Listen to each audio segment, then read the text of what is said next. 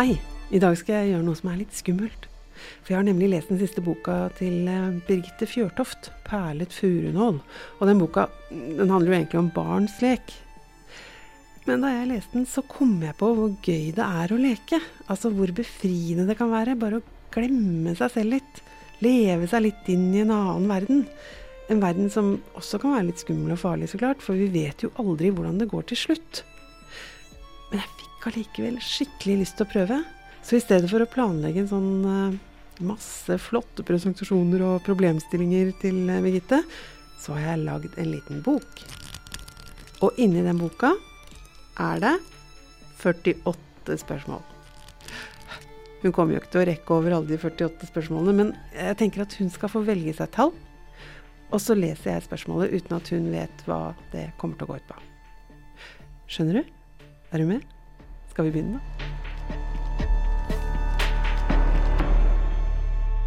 Velkommen til Universitetsforlagets podkast. Takk for det. Jeg har laget en spørsmålslek. Ok. Hør nå. Og det er en spørsmålslek med Birgitte, heter den. Og den består av 48 spørsmål. Oi.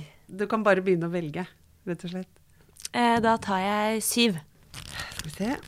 Ja, hvordan kan lek skape struktur? Ja, det er et morsomt spørsmål. Um, det er jo en sånn uh, dikotomi som ofte blir, som jeg opplever ofte blir liksom fremstilt når det er snakk om lek. Da, At man enten så er det struktur og orden, eller så er det lek. Mm. Og at disse to blir veldig sånn atskilt. Altså for det, leken hvis man, hvis man, skal inngå i langvarig lek, så krever det utrolig mye struktur. Det er en sånn finmaska struktur ved leken. Kjetil Steinstolt og Silje Alice Næss de beskriver jo leken som at leken er struktur. Det, det er kjempe, det krever masse organiseringsevne å klare å, i, å holde en lek i gang lenge. da. Både for barn og ansatte som deltar i lek med barn. Hvor, hvilken, hvilken, av de pinnehaugene var det som var brannstasjonen igjen? Eller eh, hva, hvilke krefter var det pinnsvinmammaen hadde? Eller hva var det som skjedde hvis man tok på den røde legoklossen? Det er ganske mange sånne detaljer og, eh, og sånn å holde over, oversikt over. Og hvis man ser nøye, observerer barns lek nøye, så kan man finne utrolig sånne helt finmaska uh, strukturer.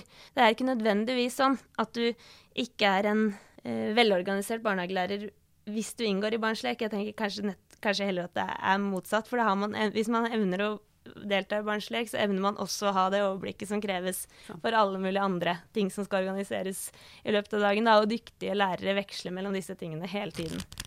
Skal jeg si et nytt tall, da? Ja, man skal si et nytt tall. OK. Um, 31. 31. Ja. Klarte dere å redde grønnfargen? ja, det, spørsmålet henviser jo til eh, det lekeforløpet som jeg avslutter eh, boka mi med. Um, Hva er det lekeforløpet? Fortell om det. Ja, det handler om, altså Egentlig så starta det med at vi drev og rydda ut av huset til farmor og farfar en sommer. Ja.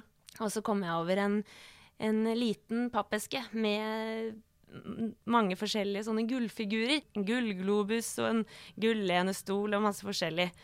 Og når jeg så de der miniatyrfigurene i gull, så tenkte jeg sånn Det her må jeg bruke til et eller annet. Det her kommer unga på avdelingen til å elske. Eh, og det var da det liksom begynte å, Da begynte jeg å um, formulere en slags sånn historie i hodet mitt.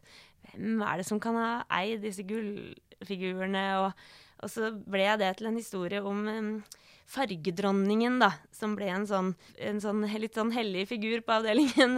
Eller, hun fordi, sendte dere brev en gang i uka? det sånn? Ja, vi fikk et brev fra fargedronningen eh, en dag i uka da vi var på tur, på turdagen, eh, hvor vi lette etter Og ja, med det brevet så fulgte det også med en liten skatt. og de, da var det liksom pakka inn en uh, figur for hver, for hver tur. Og disse figurene representerte alle verdens farger. Da. den ene figuren representerte gul, eller den andre var grønn, f.eks. Og så måtte barna på min avdeling redde disse fargene ved å gjøre aktiviteter i, med de fargene i løpet av uka. Ja. Eh, fordi det var en som var ute etter, etter den gullskatten, de gullskattene, og det var trollmannen Grusilius, som er en forferdelig skremmende fyr, som eh, hata farger. Så han var ute etter den skatten, og, og så måtte barna hjelpe fargedronningen da med å eh, forevige disse fargene ved å um, male eller tegne eller bygge eller ja. Ja, eh, det står jo i boka men det er, vi, klarte å redde, vi klarte å redde fargene. Det bra. vi gjorde det. Grønnfargen også. Ja. Ok, skal vi Tør du å velge et Ja, tall det var det. Um, 17. Oi. Hvis det fins liv på andre planeter, hva tror du de leker der? Ah, hva leker de der? Og sikkert en lek som vi ikke er i stand til å liksom, tenke oss til her, kanskje? Eller kanskje veldig lik. Og så kanskje de Å, det kan man jo liksom drømme litt om, da. At kanskje der har leken på en måte et så et helt fritt spillerom. på en litt annen måte enn det vi kan få til i, på jorda, kanskje. Det er så vanskelig å liksom skulle Det er jo det som er litt med leken sant. At når man skal prøve å liksom forklare den eller beskrive den, så kommer man nesten alltid litt sånn til kort. Og det er jo mange ganger jeg observerer lek i barnehagen som eh, all, absolutt eh, har en helt sånn eh, utenomjordisk dimensjon ved seg, hvor jeg ikke skjønner noe. Ikke sant? Hvor, ikke, hvor det er vanskelig å forstå hva er det de hva er det som binder dem sammen her? Hva er det egentlig de leker? Hva er det de holder på med? Og det er jo den derre jakta Det å være på jakt etter å få innsikt i noe som vi kanskje ikke noen gang kommer til å få fullstendig innsikt i, da. Eller forståelse av. Det syns jeg er jo det spennende. Så det der spørsmålet der kommer jeg sikkert til å gå og grunne litt på. Det er jo det som er spennende også i barnehagen. Det å være på jakt etter hva slags type lek er det som skjer. Hva, hva er det de leker? Skal du velge Ja. Um, 13. 13? Hva gjør du når du får skrivesperre? Da løper jeg meg en tur. Hei! ja. Hvorfor det? Og for meg så um, Jeg kan bli liksom fylt i huet av veldig mye. Um, både følelser og tanker, og det kan føles som at det uh, nesten ikke Nå er det ikke plass til mer her oppi. så da har løpinga vært en sånn eh, en måte å få litt uh, luft, luft i både hode og sinn. Så da Det er veldig mange ganger i løpet av den prosessen her hvor jeg, hvor jeg står fast, eller hvor jeg bare må ta på meg joggeskoa og uh, løpe ut. Og så Løpe vekk fra ordene? ja, liksom. ja, ja, men løpe vekk, og så hø høre på noe annet. Høre på musikk eller høre på podkast om noe helt annet enn det jeg driver og sitter, sitter og skriver på. Uh, og få disse pausene fra, fra mine, egne, mine egne ting. OK, du kan ta et til. Um, 50. 48 Nei, var ja, siste. 48 var det siste. 10, da. Ti. Skal vi se. Ja. Samo kalapanda romulus ki tevorius mendi. Oi. Det er det sikkert en referanse jeg ikke tar, eller noe. Nå må du hjelpe meg litt. Jeg prøver å snakke tullespråk til deg. Sliberenski, skavaski, lava. Hei! Hva er tullespråk? Hvorfor er det så viktig? Åh, tullespråk er så viktig. For det, altså, en ting er at det er en del av det lekende uttrykket til barna, er jo, består jo ofte av mye tullespråk. Enten det er ren sånn gibberish, som du prata nå, eh, eller at det er liksom, omgjøring av ombytting på bokstaver og ord og gjør, omgjøring av regler og alle mulige sånne ikke sant, Lese helt annet, fortelle en bok på en, en historie på en helt annen måte, eller alle som, som er en del av det lekende uttrykket til barna. Men jeg tenker også at det er en kjempeviktig for, å for barns språkutvikling, da. eh, Å ha et sånt rik og tillate sånn, sånn type lek med ord og lek med språk, for å gi en sånn rik La dem liksom bade i at det går an å tøyse med språk, for det er jo det er en sånn fantastisk eh, et fantastisk utgangspunkt da, for, å, for å utvikle språket videre også. Mm. Og så eh, hadde jeg en, en, eh, en, en situasjon med et barn hvor jeg fikk en helt sånn derre Wow, det var på en måte en lekeimpuls. Når hun snakka um, gibberish til meg, Ja. så kunne jeg respondere på gibberish. Og da fikk jeg sånn Å, der! Nå! Har, det var lekesignalet jeg trengte for henne da, for å kunne oppnå kontakt. Så det tullespråket, eller tullprat, da, det favner om mange, mange nivåer. Og da får Men- man liksom kontakt på en litt annen måte, nesten. Altså, Ja, jeg tror at barn får tillit til voksne som tør å tulle og leke og slippe seg løs. Og, og ikke ta alt så seriøst, ikke sant. Vi har så alvorlige sånne logiske voksenliv. Arbeidsomme voksenliv. Så at det, eh, for meg så er det jo en befrielse å kunne gå på jobb og komme inn i disse rommene som bare flyter over av tull og tøys, da. Jeg syns det er helt fantastisk. Er du klar? Ja. Én, da. Én! Veldig originalt. Skal vi se. Apollon Ja. og Dionysus. Ja. Hvem er de? ja. Og hva har de med lek å gjøre? Ja, det er jo to greske guder som eh, Det var jo eh, Fredrik Nietzsche som, som brukte det begrepsparet liksom, mellom Apollon og Dionysus til å fremstille eh, ulike sider ved mennesket, egentlig. Eh, så litt eh, enkelt sett så er det på en måte er, blir, er disse gudene på en måte representanter for to ulike sider i mennesket, da. Eh, det ene som er på en måte det ordentlige og logiske og rasjonelle. Er det Apollon? Det, ja, det er Apollon, ja. Ja. Og så er det Dionysus som representerer det mer villstyrlige og øh, lengselen etter liksom, beruselsen og, og øh, Det mørke? Ja. Ja. Skumle. Ja. Men du vil jo ha med både Apollon og Dionysus i leken. Ja, grunnen til at mange, når de skal argumentere, eller mange kanskje trekker fram Dionysus, da, eller den mørke villeleken, er at den kanskje er litt underkommunisert, nettopp fordi at den derre eh, lette, forståelige leken der man leker at man går i butikken og er mamma og pappa, eller ikke sant, sånne type rolleleker som er veldig sånn lett forståelig for oss voksne, eh, kanskje er den som har fått mest oppmerksomhet. Eh, så det, det er absolutt Man trenger begge, begge deler, og, og det lette og lystige er jo en kjempestor del av de lekene. Eh, men det var viktig for meg i den boka her å også belyse noen av de mørkere sidene ved leken, da, for det er ikke bare liksom paljetter og, og artige kostymer, liksom. Det er også faktisk snakk om, om barns eh, viktigste uttrykk, barns uttrykk for en livssituasjon som ikke alltid er like lystig. Og så der kommer leken fram, og så er det sånn, ja, det er disse to. Det er et sånn motsetningspar, da. Det er kanskje kan, er litt sånn teoretisk, men det er en måte å, å illustrere litt ulike retninger som det lekene har, da. Nytt spørsmål. Nytt spørsmål. Um, 23. Er det egentlig lov å ljuge? ja, det er lov å ljuge. Det er lov å ljuge. Er det det, Birgitte? ja, det er lov å ljuge. Når kan du ljuge? Når er det lov? Vi ljuger jo hele tiden, spesielt når vi leker, så er det jo det jo bare ljug ofte.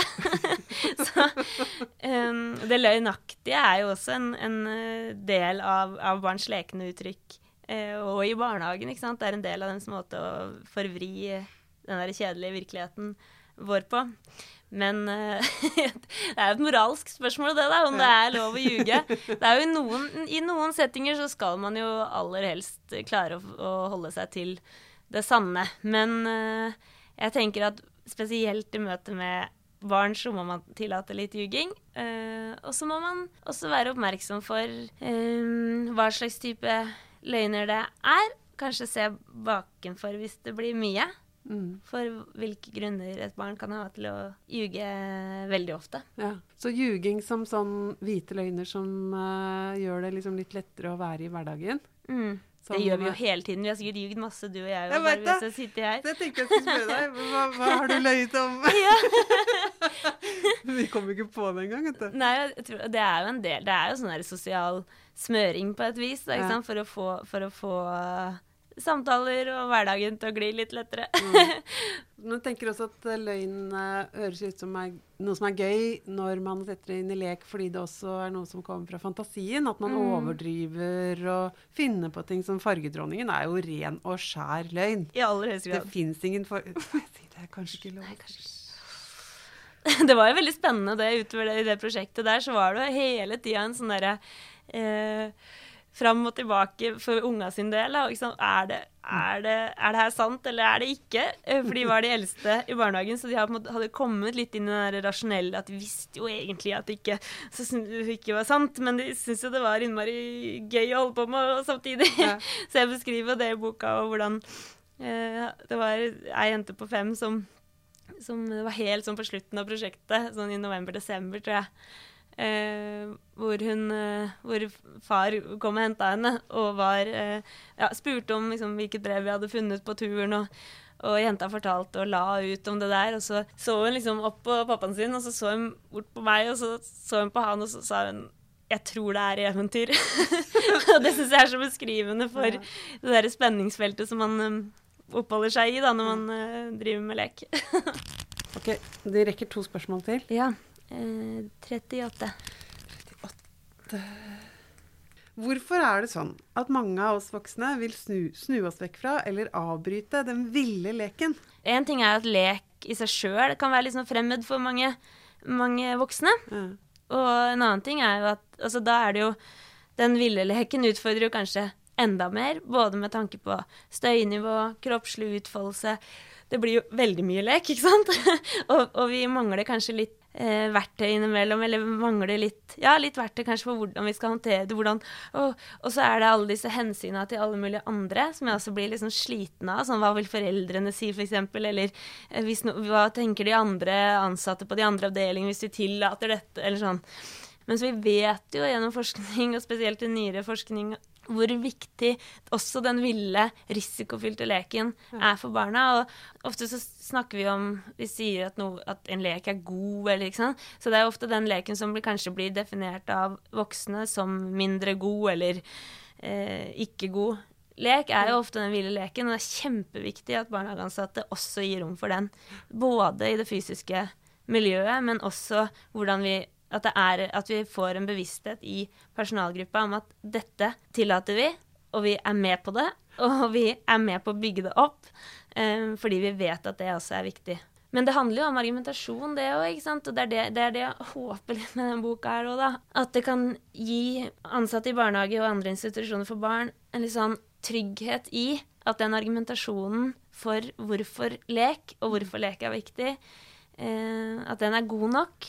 Eh, og at, den, at, vi må tørre å argumentere for lek ut ifra våre faglige bakgrunner. Også i møte med f.eks. For foreldre da, som kanskje stiller spørsmål ved hvorfor noe blir Ja, en, type lek, f.eks., mm. som jeg mm. nevner i boka, er jo den sånn slåsse slåsselek som jeg tillot på.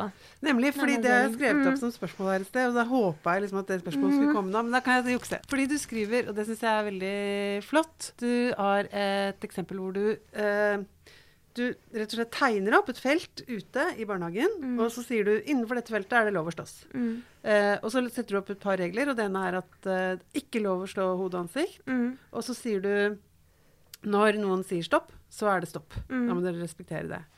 Og så lar du dem slåss. Ja. Og ikke bare det, du slåss med dem selv òg. ja. Hvordan, hvordan, var det? Fortell hvordan det var å slåss med unger. ja, vet du, det var, og det var litt overraskende for meg òg, som, som, eh, alltid har vært veldig aktiv i leken og deltakende i uteleken. Og, um, men jeg merka da vi begynte med den slåsseleken, så fikk, kjente jeg hvor uvant det var også for meg da, å være så tett på barn i en sånn fysisk utagerende lek.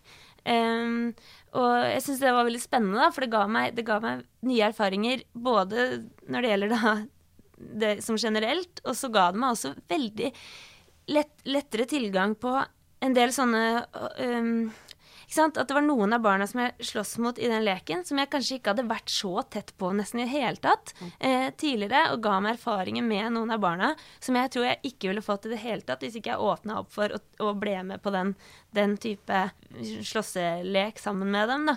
Um, for de var liksom forskjellige, eller du merka hvordan barna var forskjellige når du møtte dem i en sånn kroppslig slåssediskurs? Mm, ja, og det er jo veldig sånn Generelt i barnehagen så kreves det jo enormt med en enorm mengde med skjønnsmessige vurderinger hele tida. Eh, og i den leken der så måtte jeg jo hele tiden justere og kjenne på min kropp òg, og hvordan reagerer jeg. Og, nå, og, eh, og justere Um, regulere min egen styrke ut fra hvem det var jeg møtte. Hvem trenger litt mer? Hvem må jeg være litt forsiktig med? Hvem? Og, og det var jo en sånn lek som, som uh, mange av foreldrene reagerte på. Det er sikkert at jeg var med òg, jeg vet ikke. Fordi det var noen som ble sure, som ja. sa fra til dere. Hva, mm. hva slags reaksjoner fikk du egentlig? Eh, det var ganske sterke reaksjoner på det fra mange, også fra eh, noen i personalgruppa. Um, men da måtte jeg jo trekke fram denne forskningen da, og vise til litteratur og artikler, og jeg delte artikler med foreldrene. Og um, den fikk jo lov til å fortsette. Ah, de måtte ikke være med å slåss, da. De som, det var veldig frivillig, de som ville slåss med meg, eller de som bare ville slåss med hverandre, eller de som ikke ville være med på det i det hele tatt. Men var det noen som liksom så på lenge, og så liksom etter 17. dagen så så de mm, ja, jeg har kanskje litt lyst til ja, ja, det var det. Det var veldig spennende å se. Og så var det, så vi jo en større ro i barnegruppa og når den leken her var populær, og hvordan spesielt de barna som av ulike grunner var sårbare, hvordan noen av de vokste helt utrolig mye på Og det er jo en trygg ikke sant? Den slåsseleken um, rammer ikke inn på en måte det som jeg egentlig definerer som risikofylt lek. Det er jo mye risiko i den, men den er jo også veldig strukturert og leda på en måte av meg som, som ansatt, og den er innafor en ram. Så det er egentlig en ganske sånn trygg, oversiktlig setting da, i ja. forhold til annen lek som kan være mer vilstyrlig og ikke være så strukturert av, av ansatte. Men det, den hadde en del elementer av risiko, og for noen så var det jo absolutt eh, kjempeskummelt og eh, ga veldig mange muligheter for nye mestringserfaringer da, kroppslig. For hvordan merka du det? Så du liksom at Ble de mer selvsikre i gangen sin, eller i måten de mm. snakka på, eller overfor de andre? Ja, litt sånn i måten de mm, uttrykte seg på. Litt sånn tydeligere i 'her er jeg'. Um, og, og en, eh, en, ro i kroppen. Det er liksom vanskelig å beskrive, men uh, en del av de barna som av ulike grunner strever med livet, kan jo være litt sånn anspent. Ja.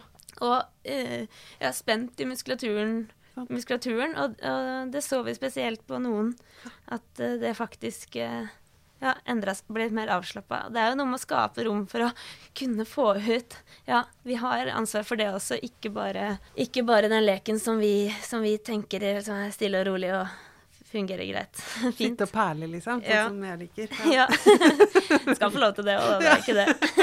Herlig. OK, skal vi velge nytt? Um, 48. 48. Hva syns du om denne leken, Birgitte? Funker den? Ja, den syns jeg funka veldig bra. Og så er det jo det, er det som er litt sånn morsomt at det, Jeg så da jeg lente meg fram på bordet, og så spørsmål, spørsmålslek, og så sto Birgitte.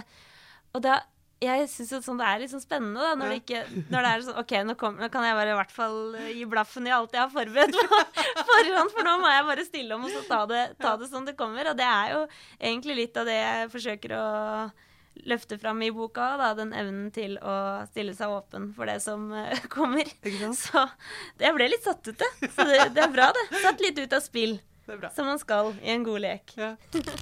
Eh, tusen takk for at du kom og var gjest i Universitetsforlagets eh, podkast. Tusen takk for at jeg fikk være her.